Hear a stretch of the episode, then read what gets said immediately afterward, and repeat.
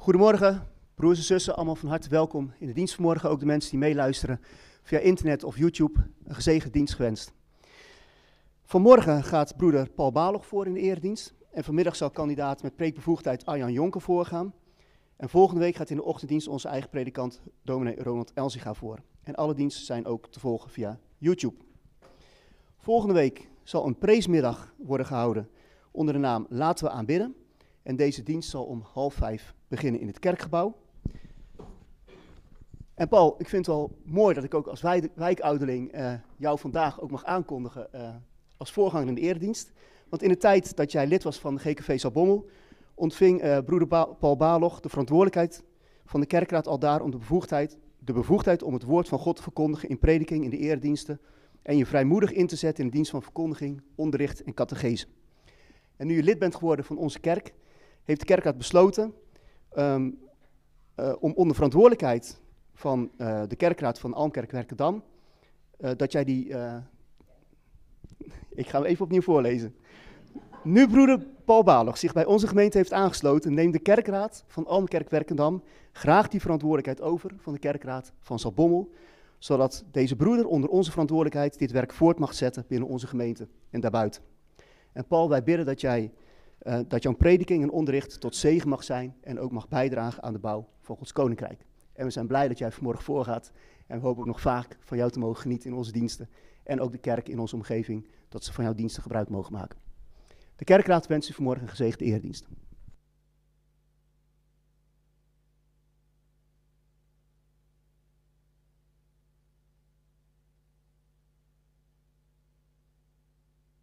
Dankjewel ook uh, de gemeente, uh, dank u wel. En een goedemorgen gewenst, ook namens, uh, ook namens mij. Ook u thuis, als u meeluistert vanuit huis of een andere plaats op deze aarde. We zijn soms ver verspreid en dan is het prachtig dat je in kunt loggen en dat je dan een dienst mee kunt luisteren. Zullen we deze dienst staande beginnen voor de Heer?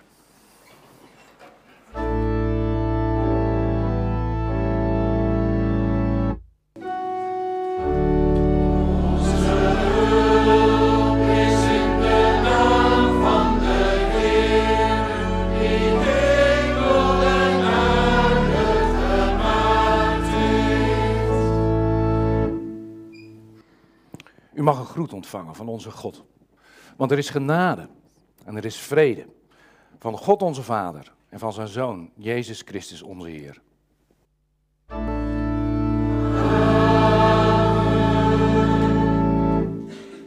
Zullen we samen zingen van Psalm 84, de eerste twee versen.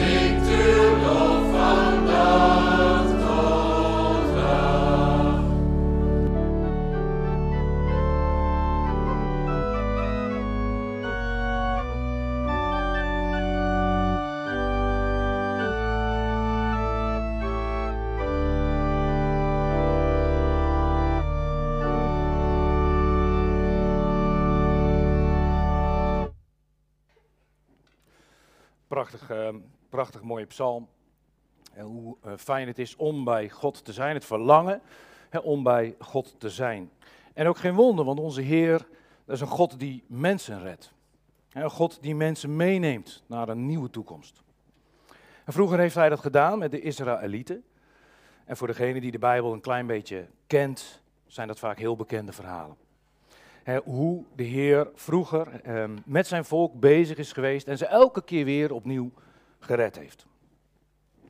Een onderdeel van het redden is wat dat betreft ook dat God mensen duidelijk wil maken dat ze op een goede manier met elkaar moeten omgaan. Niet om elkaar af te breken, maar om elkaar op te bouwen. Om elkaar lief te hebben. Om het goed te hebben met elkaar. Met het oog daarop geeft God ook concrete regels mee in zijn wet. Vroeger aan de Israëlieten, nadat hij hen bevrijdde uit het huis van slavernij, Egypte. En wij krijgen ook geboden mee van onze God. Van een God die ons bevrijdt en die graag een nieuwe toekomst aan ons wil geven. En daarom spreekt God tot ons in de woorden: Ik wil u vrijheid geven en in vrijheid laten leven. Daarom blijf trouw aan mij en bewaar ook mijn vriendschap. Blijf bij mij, uw bevrijder. Mij alleen zult u liefhebben, vertrouwen en gehoorzamen. Niets of niemand van deze wereld, van wat ik geschapen heb, zult u vergoddelijken. En niets of niemand in deze wereld zult u in plaats van mij liefhebben, vertrouwen, volgen of gehoorzamen. U zult u geen eigen voorstelling van mij maken. Een voorstelling buiten Jezus Christus om. Want in Hem, in Jezus Christus, heb ik mij aan u bekendgemaakt. Als u mij wilt zien, als u mij wilt kennen, kijk dan naar Hem. Wees getuige van Christus en beleid mijn naam de naam die Hij aan u bekendgemaakt heeft. U zult niet leven om te werken, maar u zult werken om te leven. Leef onder mijn ogen en houd de zondag in ere als de dag van de opstanding van Christus. Hou die dag in ere als een dag van bevrijding, als een dag van blijdschap. Leef vanuit die zondag, alle dagen van uw leven, want ik ben de Heer. Je vader en je moeder Laat hen tot hun recht komen als de vader en de moeder die ik aan jou gegeven heb. En als u kinderen heeft, laat dan die kinderen tot hun recht komen als kinderen van mij, van God. Als kinderen die ik aan uw zorg heb toevertrouwd. Voor het leven van uw naaste, dat zijn de mensen om u heen, zult u eerbied hebben. Want ook hij of zij behoort toe aan mij. Ook voor hen is Christus gestorven en opgestaan. En hun leven mag u daarom niet aantasten of vernietigen. Naar mijn beeld heb ik u gemaakt, man en vrouw. En daarom zult u elkaar in het huwelijk lief hebben en ook trouw blijven. En jullie zullen elkaar als jongens en als meisjes, en ook als mannen en als vrouwen, respecteren en niet verlagen tot een object. U bent rentmeester, rentmeester van al het bezit dat ik aan u heb toevertrouwd. U bent niet de eigenaar ervan. Want de aarde, met alles erop en eraan, dat behoort toe aan mij. En u kunt daarom niet mij en tegelijkertijd het geld dienen. U zult geven, uitdelen en steeds weer geven. In de omgang met elkaar zult u de waarheid en het recht liefhebben. In uw spreken over uw naaste zult u oprecht zijn en betrouwbaar. Als u ja zegt, laat het dan ook ja zijn. En als u nee zegt, dan moet het ook nee zijn. Uw naaste, uw medemens, die zult u geven wat hem toekomt. En u zult in uw hart geen jaloezie toelaten. Wees tevreden met al hetgene wat ik u geef. Kortom, heb mij, de Heer uw God, lief met uw hart en uw leven. U zult me lief hebben als uw God en uw bevrijder, met hart en ziel. En ook uw naaste zult u lief hebben want het is net zo'n mens als u bent. Ik ben de Heer, uw God. Deze God die zich bekend maakte in al die geboden die hij gaf in de Bijbel. Dit zijn een, een, een uitlegje van de tien woorden. Maar de eerste vijf Bijbelboeken, daar kunnen we heel veel wetgeving vinden. Die lijkt heel streng en toch ook in dat Oude Testament, nog voordat Christus kwam, kunnen we zien en eh, horen dat God degene is aan wie je je toevertrouwt. Ondanks al die wetten waaraan we eigenlijk weten dat we ons er niet aan kunnen houden. Daar zingen we van uit Psalm 7, de versen 4 en 7. Dat God de rechter is en dat we blij zijn met zijn rechtvaardigheid.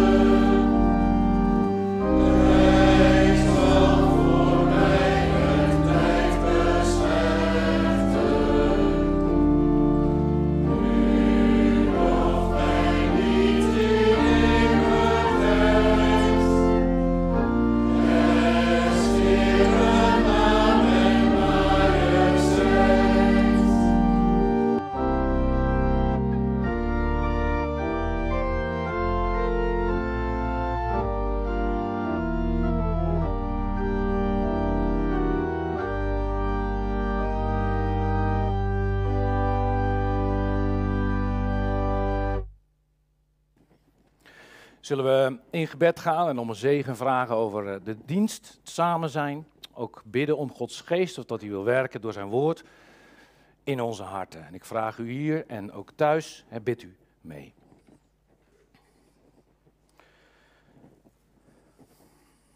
Machtig God en Vader in de hemel. We beleden het zingend aan het begin al van de dienst. U bent schepper van hemel en van aarde. U bent zo'n groot en machtig God. En u komt zo dicht naar ons toe. We mogen u noemen Vader. Vader in de hemel. Heer, daar dank u voor. Heer, we danken u dat u als groot schepper om ons uw schepsels geeft. Heer, dat u uw zoon naar ons toezond. Dat hij zijn leven gaf en het leven leefde wat wij niet kunnen leven. We lazen de wet, tien geboden. En als we dat diep laten doordringen in onszelf en het leggen naast het leven wat we leiden, Heer, dan erkennen we en beleiden we dat we uw wetten niet houden. Heer, er waren zoveel dingen afgelopen week die op de eerste plek in ons leven stonden. En we horen net, Heer, dat u vraagt om u op de eerste plek te zetten. En zo zijn er nog zoveel andere dingen waarin we werken en merken dat we vaak falen. Heer, we vragen u daarom om vergeving. En we vragen u om vernieuwing. Heer, vernieuw ons. Vernieuw ons van binnen in onze houding, in ons leven. Help ons daarbij. Geef ons ook de kracht. Heer, de kracht die we ook weer nodig hebben in de komende week. Heer, voed ons en voed ons met uw woord. Heer, we bidden u om uw Heilige Geest. Wil die laten werken in onze harten, in ons leven. Heer, doe dat door het woord wat we horen, het woord wat we lezen, de liederen die we zingen. Doe dat door ons samen zijn met elkaar. Je wees zo ook in het bijzonder bij hen die vanuit een andere plek meekijken, meeluisteren. Heer, als we ons eenzaam of alleen voelen, als we beperkt zijn, misschien door ziekte of andere oorzaken, Heer, wees dan ook dicht bij ons. Draag ons zo als gemeente, als uw kinderen. Heer, we weten dat wij hier in dit gebouw zijn en sommigen meeluisteren van buitenaf. Maar we danken u dat we wereldwijd als uw kinderen samenkomen op deze dag. Om u te loven en te prijzen en om gevoed te worden. Ga zo met ons, ook in deze dienst. En dat vragen en dat bidden we in Jezus' naam. Amen.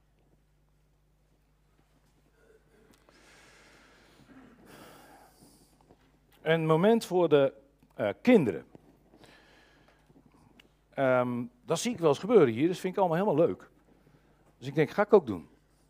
Er zijn heel veel kinderen en dat vind ik helemaal leuk. En ik had ook wel eens gezien dat Ronald op zijn heel klein stoeltje daar ging zitten. maar die is wel weg. Maar toch ga ik het vragen aan de, aan de kinderen om uh, dan naar voren te komen.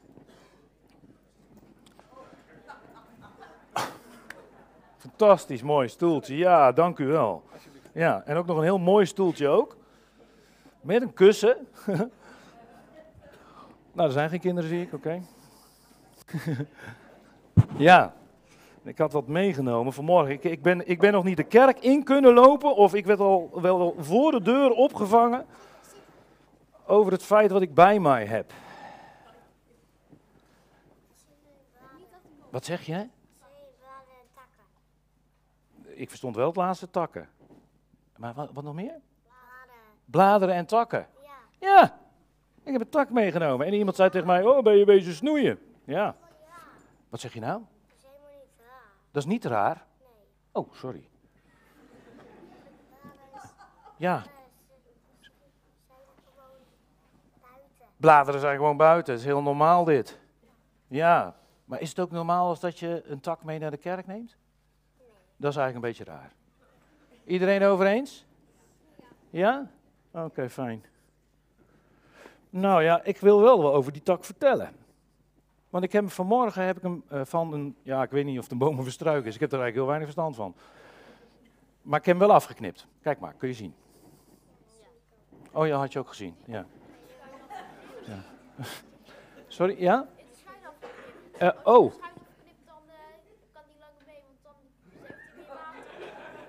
We hebben een kenner in ons midden. Ik herhaal het even ook voor thuis. En iemand zegt hier gelijk al, eh, heb je hem schuin afgeknipt? En volgens mij wel een heel klein beetje. Maar ik moest hem goed schuin afknippen, want dan kan die langer meegaan als je hem in het water zet. Ja, want dan kan hij sneller en meer water. Dan kan hij sneller en meer water opnemen. Man, je doet toch bijna mijn hele verhaal. ik had hem vanmorgen afgeknipt en nu vallen de blaadjes er al vanaf. Ik zou je wel vertellen, in mijn auto liggen al allemaal blaadjes. Mijn vrouw is niet zo handig. Die heeft hem zo, weet je, voor in de auto neergezet. Dan moest hij zo weer eruit. Hier, kunnen we toch kijken? Ja, dan doe ik het zelf ook. Dus het ligt helemaal niet aan mijn vrouw. Waar ligt dat dan aan? Waarom vallen de blaadjes er nou vanaf? Het is herfst. Soms zijn de antwoorden zo eenvoudig. Hé? Maar jij moet even kijken, jij zit heel dichtbij. Zie jij dat hier knopjes in zitten? En dat zijn knopjes en die gaan bijna bloeien. Het is lente. Het is geen lente. Jij zei dat herfst was, hè? Ja, dat was heel slim van jou. Maar kijk eens, er zitten allemaal bloemknopjes aan. Ja, toch? En daar was ik ook verbaasd over, want er zitten allemaal bloemen. Nou vroeg ik mij af, ik knip hem af. Gaan die bloemetjes nou nog uitkomen? Oh, jullie zijn erg optimistisch, zie ik. De bloemetjes gaan niet meer uitkomen. Oh, ik, in mijn verhaal zou het zo zijn, ja. De bloemetjes gaan nog wel even uitkomen. Maar hij gaat wel dood, hè? Ja, want? Wat, die hou ik even vast. Hou, uh, wacht even. Jij ging wat zeggen?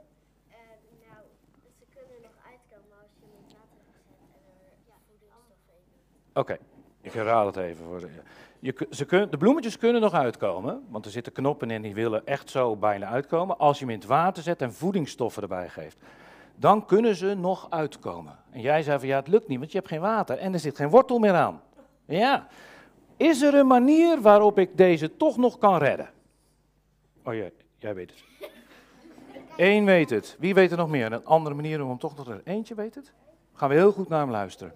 Hoe? Nou, ehm, aan de onderkant, Aan de onderkant. die zat ooit, die zat ooit gelinkt aan die wortel. Ja, de, Anders ja. komt het nooit bij die bladeren, waardoor die waarschijnlijk het zuurstof en zo water opneemt. Ja. En als je hem schuin afklimt, dan kan die weer opnemen.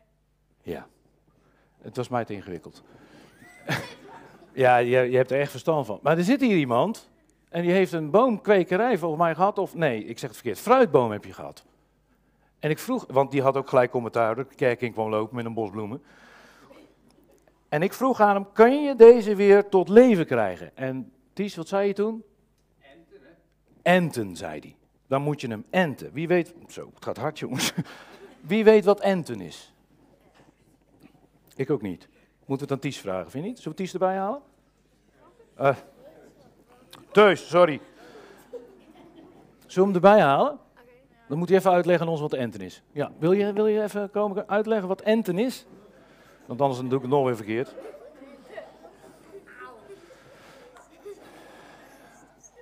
Oh, wacht even. Heb je, wacht, pak even de microfoon, want anders... Oh, kijk. Ja. Werd net verteld, dit is iets zonder wortels. Nou hebben wij bomen staan waar wel wortels aan zitten. Dat heb jij wel eens gezien. En als we nou die boom waar wortels aan zitten, daar zaag ik een dikke tak af. En dan maak ik net zo'n mooie wond als hier. En dan snij ik deze heel schuin af en dan maak ik de bast een klein beetje los. En dan kan ik dit takje er zo inschuiven.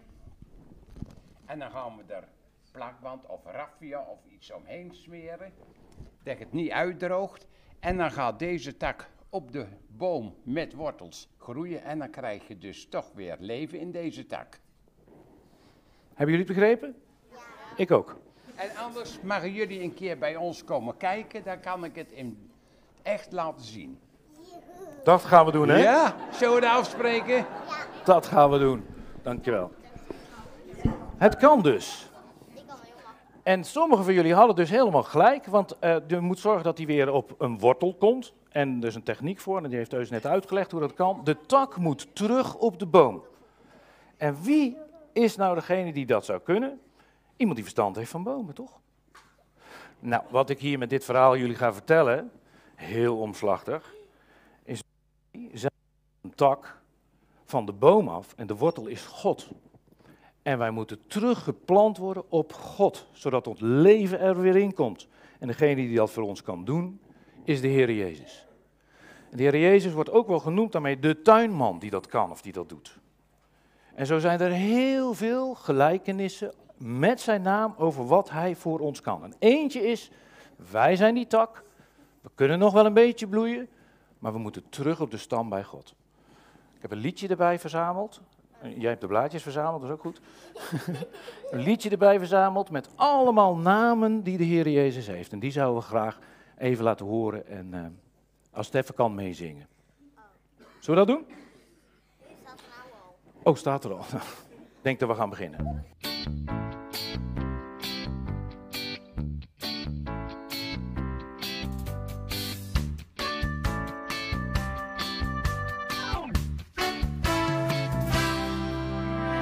Jezus is het licht der wereld. Jezus is het levend woord.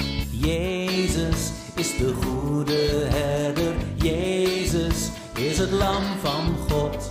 Jezus is het levend water. Jezus is het levend brood. Jezus is de ware wijnstok. Jezus is de zoon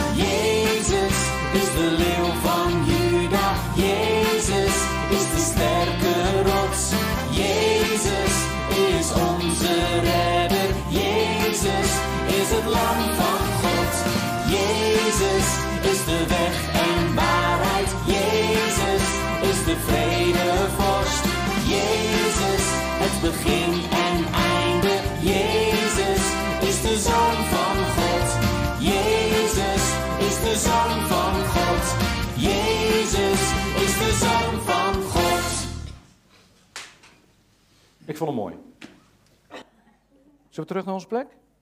Of gaan jullie ergens anders heen? Ga je ergens anders heen? Laat me doen dan.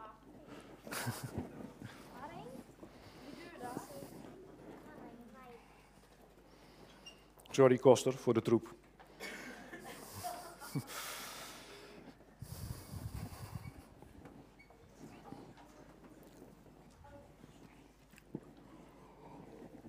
Ziekte en dood hoort niet bij de mens. Dood is een gevolg van de zonde. En zonde is ingaan tegen Gods wil. De straf die kwam in het paradijs met Adam en Eva was de dood. Als mens gingen wij los van God. Als een tak die van de boom valt. En die tak die bloeit nog even door, maar gaat absoluut dood. En als je niet op de boom, op de stam, op de wortel geënt wordt, dan is het over. En dat is in het kort wat Jezus voor ons doet. Een soort tuinman. Hij verbindt mensen weer met God. Dan leef je weer echt. En hoe ziek je vandaag of morgen misschien ook bent. Verbonden met God betekent eeuwig leven dwars door ziekte en dood heen. Over ziekte gaan we lezen. En dat doen we uit Lucas, verse 8, of Lucas 8, versen 40 tot 48. Het komt uit een bekend verhaal. Uh, maar we kennen het uh, verhaal als het dochtertje van Jairus. Maar um, daar gebeurt net daarvoor iets waar we het vanmorgen over gaan hebben.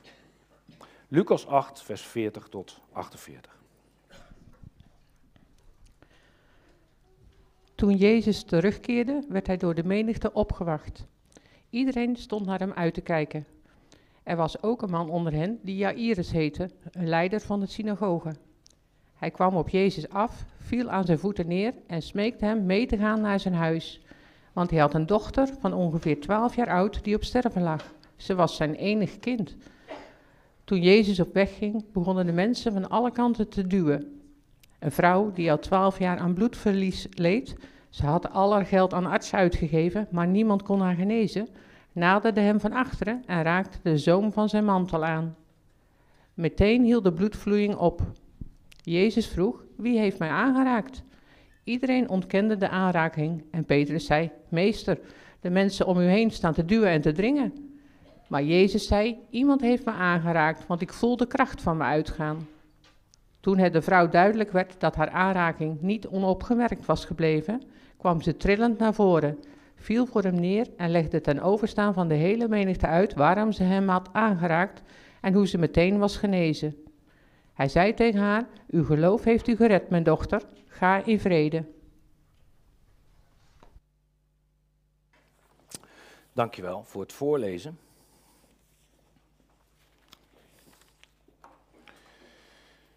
Ja, wie zag die vrouw? Ze wilde eigenlijk um, ook niet opgemerkt worden. En dat is opvallend, hè, want uh, we willen allemaal graag gezien worden.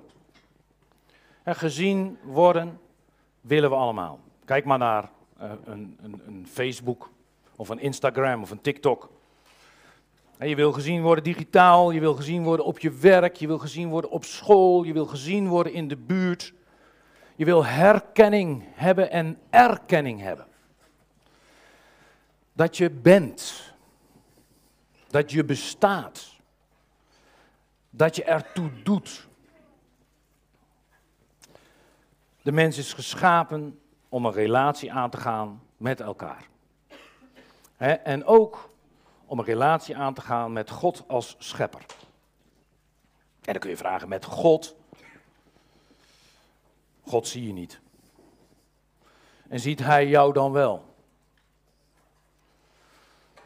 Nou, dit stukje wat we gelezen bij de Bijbel laat ons God zien in zijn Zoon, Jezus Christus. En let eens op hoe Jezus omgaat met mensen.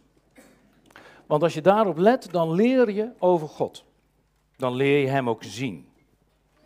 De zoon Jezus leert ons de ander te zien. En die ander is dan niet per se de bekende, of de beroemde, of de rijke, of de geleerde, of, zoals in dit verhaal, de geestelijk leider. Eerder leert Jezus ons om de ongeziene te zien. Zij die onze hulp extra hard nodig hebben. En juist die mensen die we misschien liever ook wel ontwijken.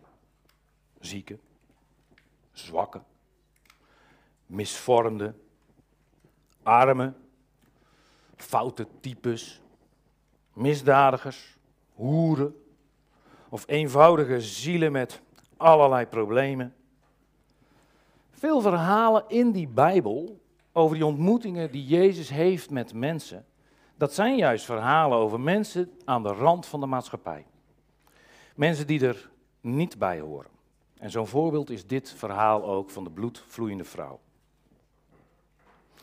En in eerste plaats, zij was vrouw.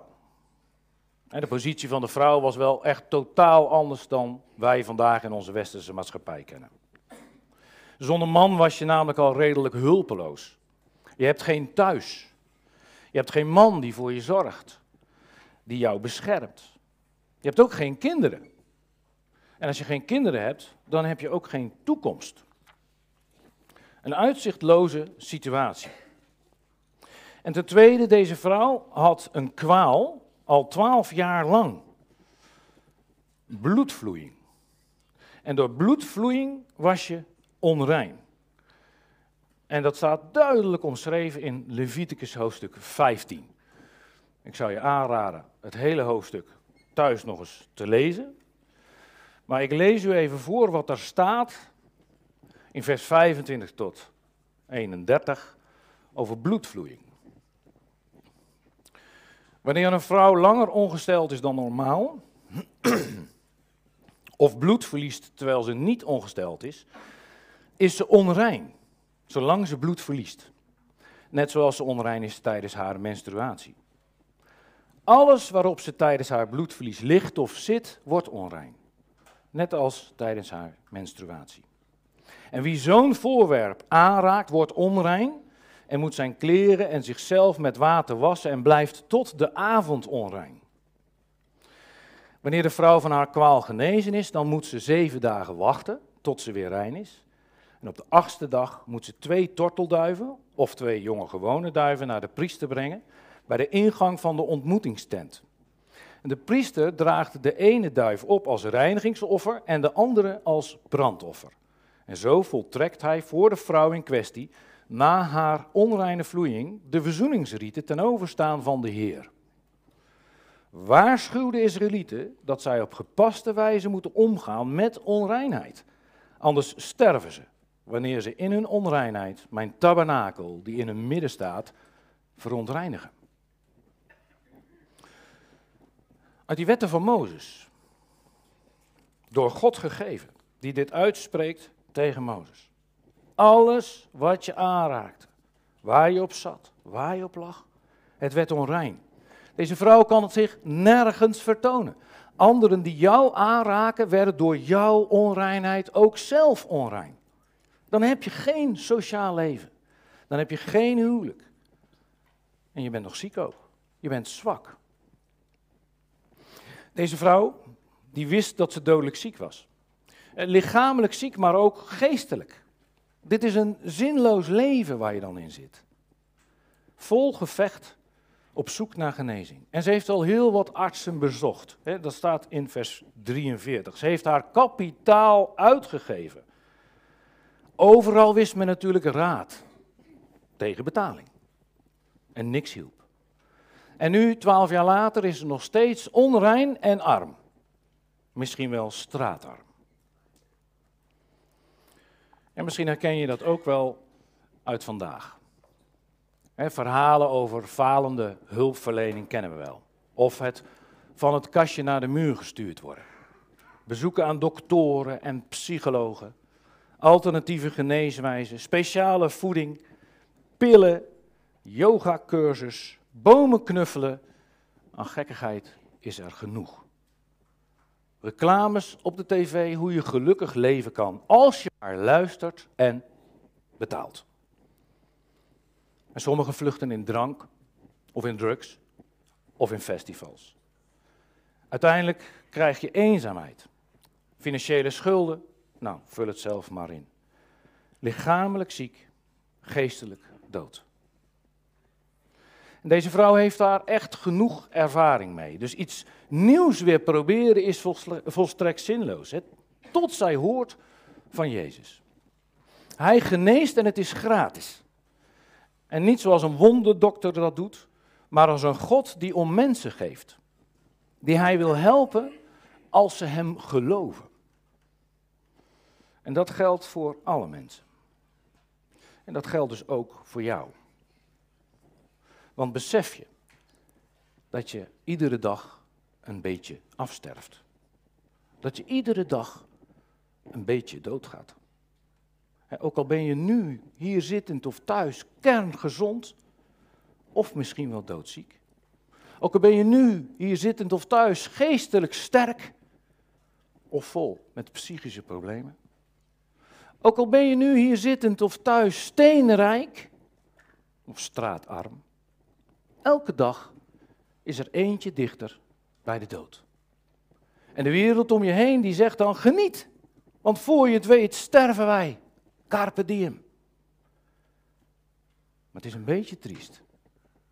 Eigenlijk is het sneu. Want God geeft ons eeuwig leven zonder alle ellende die er is in deze wereld, zonder oorlog, zonder geweld, zonder ziekte, zonder armoede, psychische nood, zonder misbruik, etc. En hij vraagt je enkel om geloof in hem.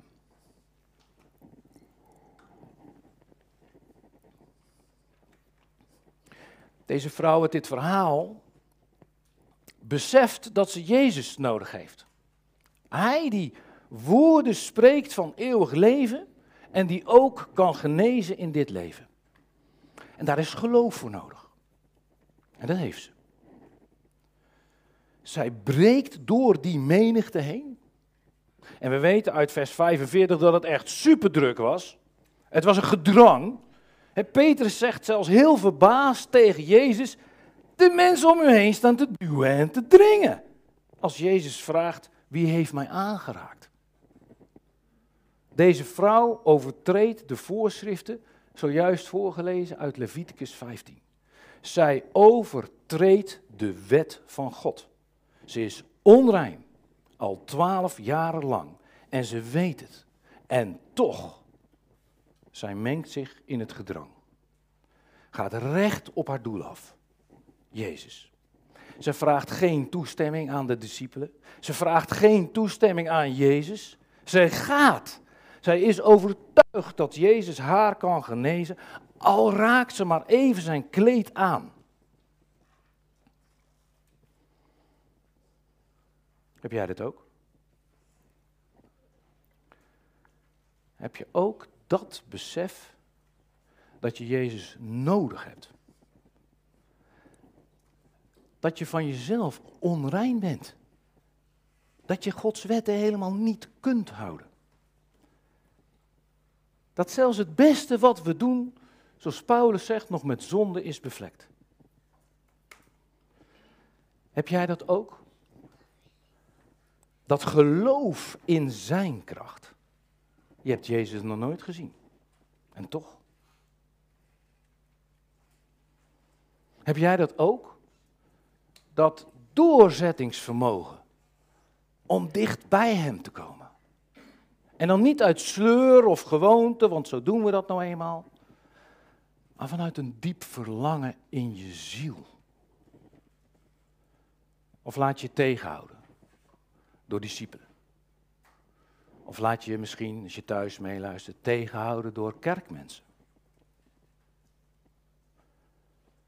Laat je je tegenhouden door procedures.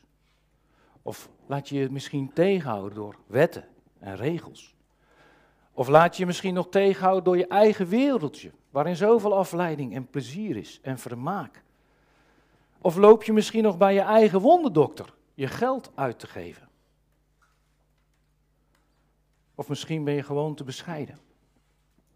Die Jairus in dit verhaal was een hele hoge functionaris. Hij was de leider van de synagoge.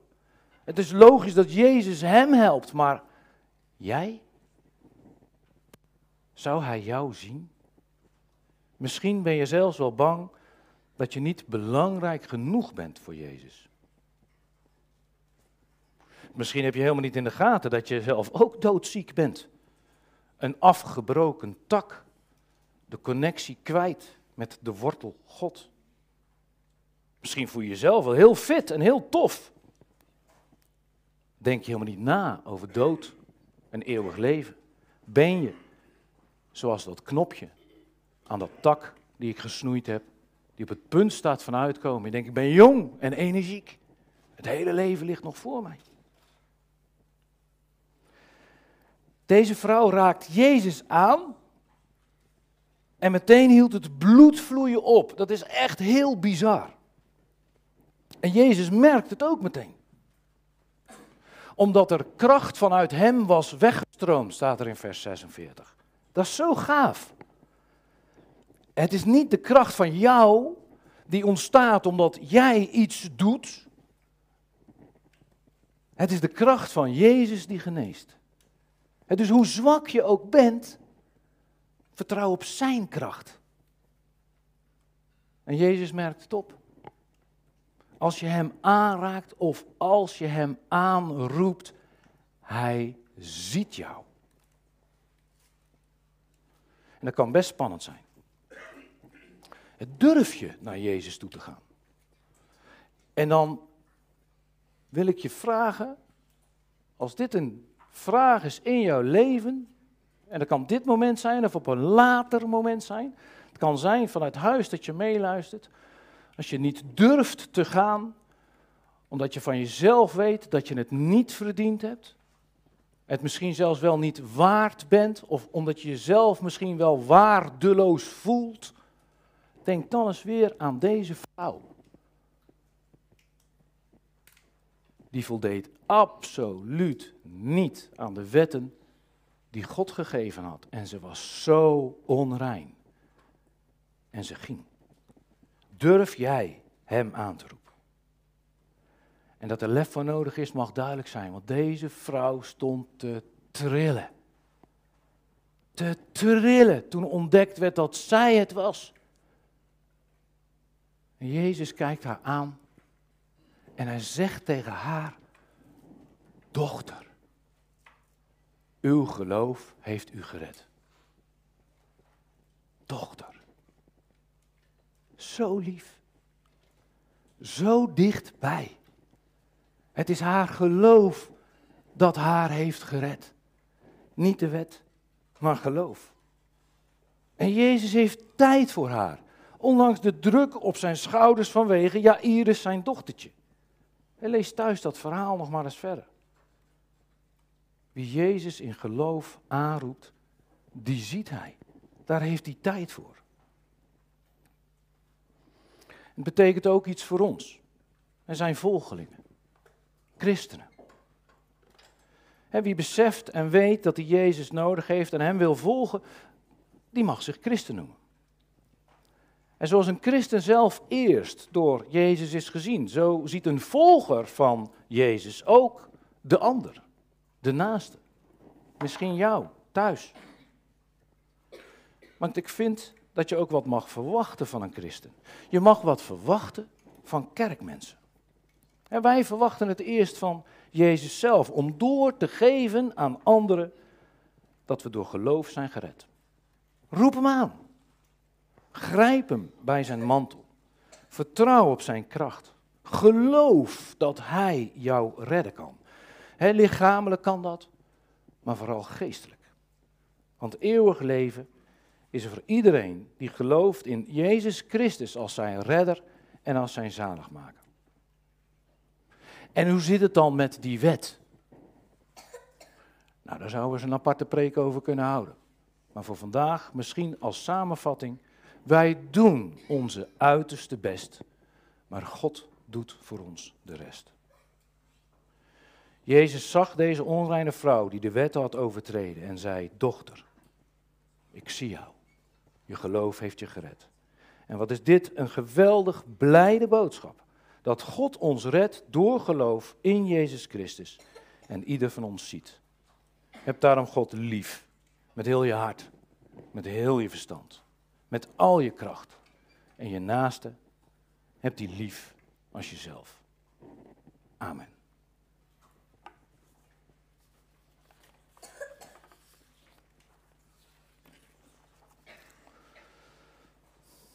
Uit diezelfde psalm waar we eerder mee begonnen, 84. Welzalig hij die als zijn kracht hè, bij de Heer zoekt. En waarom? Omdat onze God goed is en mild. En dan zingen we 84, vers 3 en vers 6.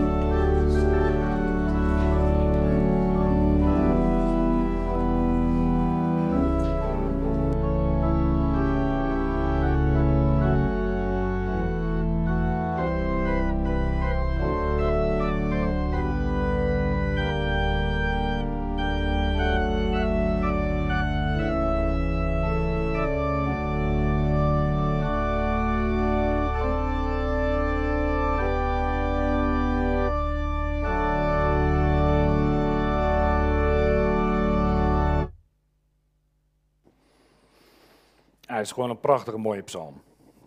Dat verlangen naar, naar Gods huis en bij Hem te mogen zijn.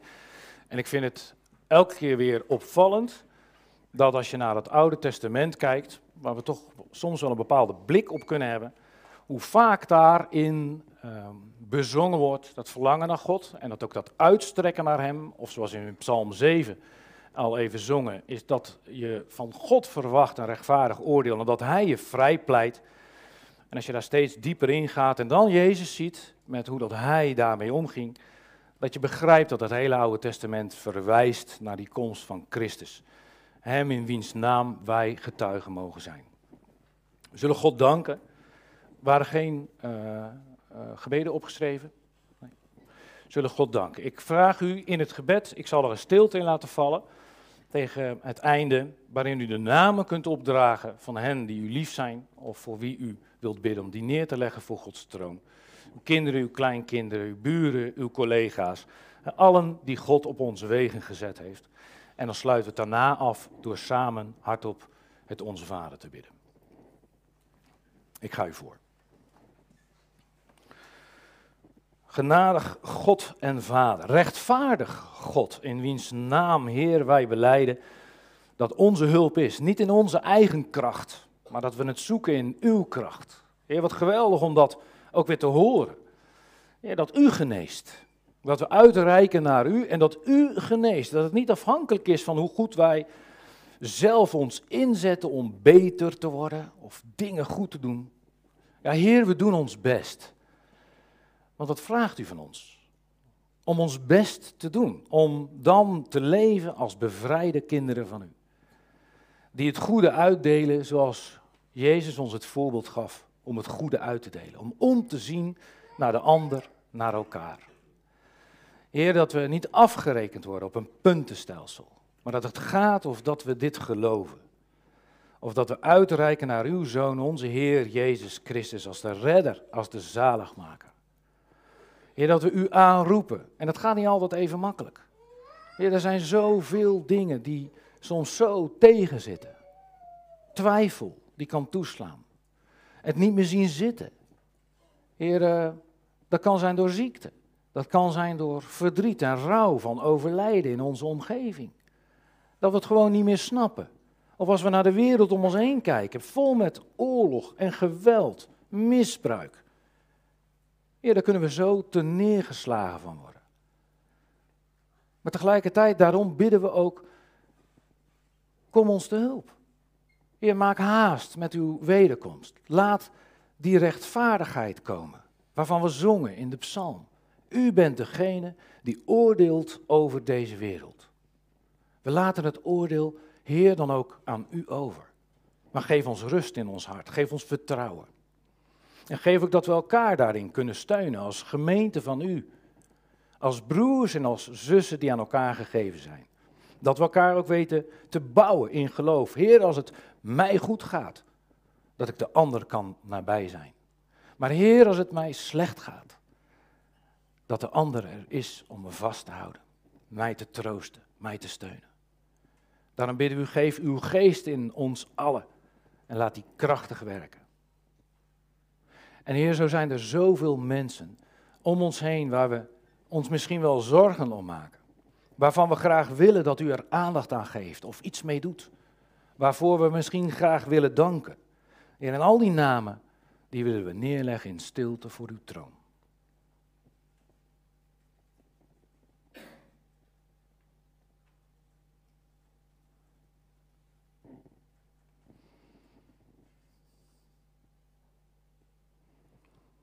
Heer, daar liggen die namen voor uw troon.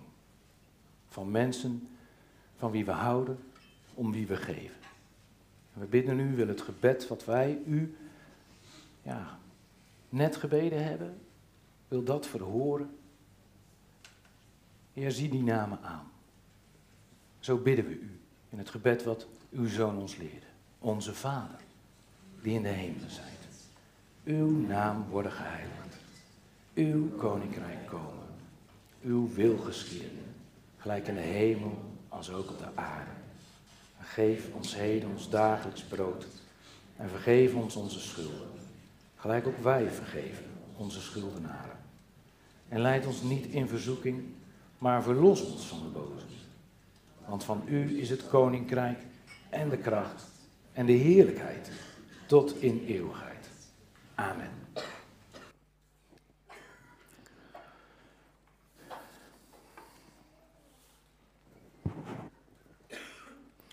Dan is het tijd voor uh, collecte. Ja.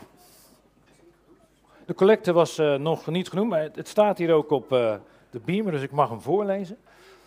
De kerk Almkerk Werkendam, eerste collecte is voor de kerk, de tweede voor Mission Creation Care en de derde voor de zending. Maar nou is het wel zo, ouderling van dienst, die tweede, Mission Creation Care, hebben we daar informatie van dat we mensen warm kunnen maken om daar wat extra aan te geven? Ja, ik was vorige week ergens anders spreken, hè. Kan niet alles bijhouden. Vorige, vorige week heb ik er iets over gezegd, maar misschien wel leuk om nog een keer te zeggen. Want Jan-Peter de Vries, hij is hier ook vaker geweest, eh, was eh, ook eerst verbonden aan Wycliffe, Bijbelvertalers.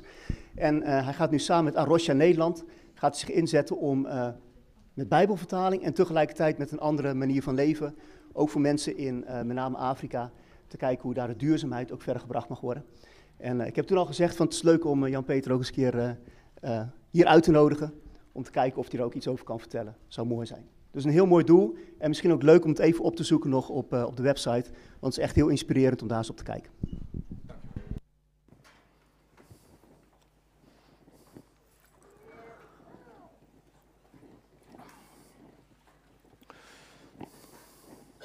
Ik neem aan dat kinderen terugkomen. Sorry? Zijn helemaal niet weggegaan. Wacht even. Ah, daar zijn jullie. Ze zijn helemaal niet weggegaan. Ja, nee, oké, prima. Dat is jammer, kunnen we ze niet vragen wat ze hadden gedaan en zo. En Oké, fijn dat jullie er waren. Ik heb geen last van jullie gehad, dus jullie hebben goed meegedaan. Dat is echt heel fijn. Knap. Ja. Zullen we samen tot slot zingen dat Jezus mijn toeverlaat is. En ook dat wie er nog zucht in ziekte ehm, of wegkwijnt. Zo'n prachtig mooi lied is dat, dat je je troost daaruit mag halen. En ik vraag u om daarbij te gaan staan.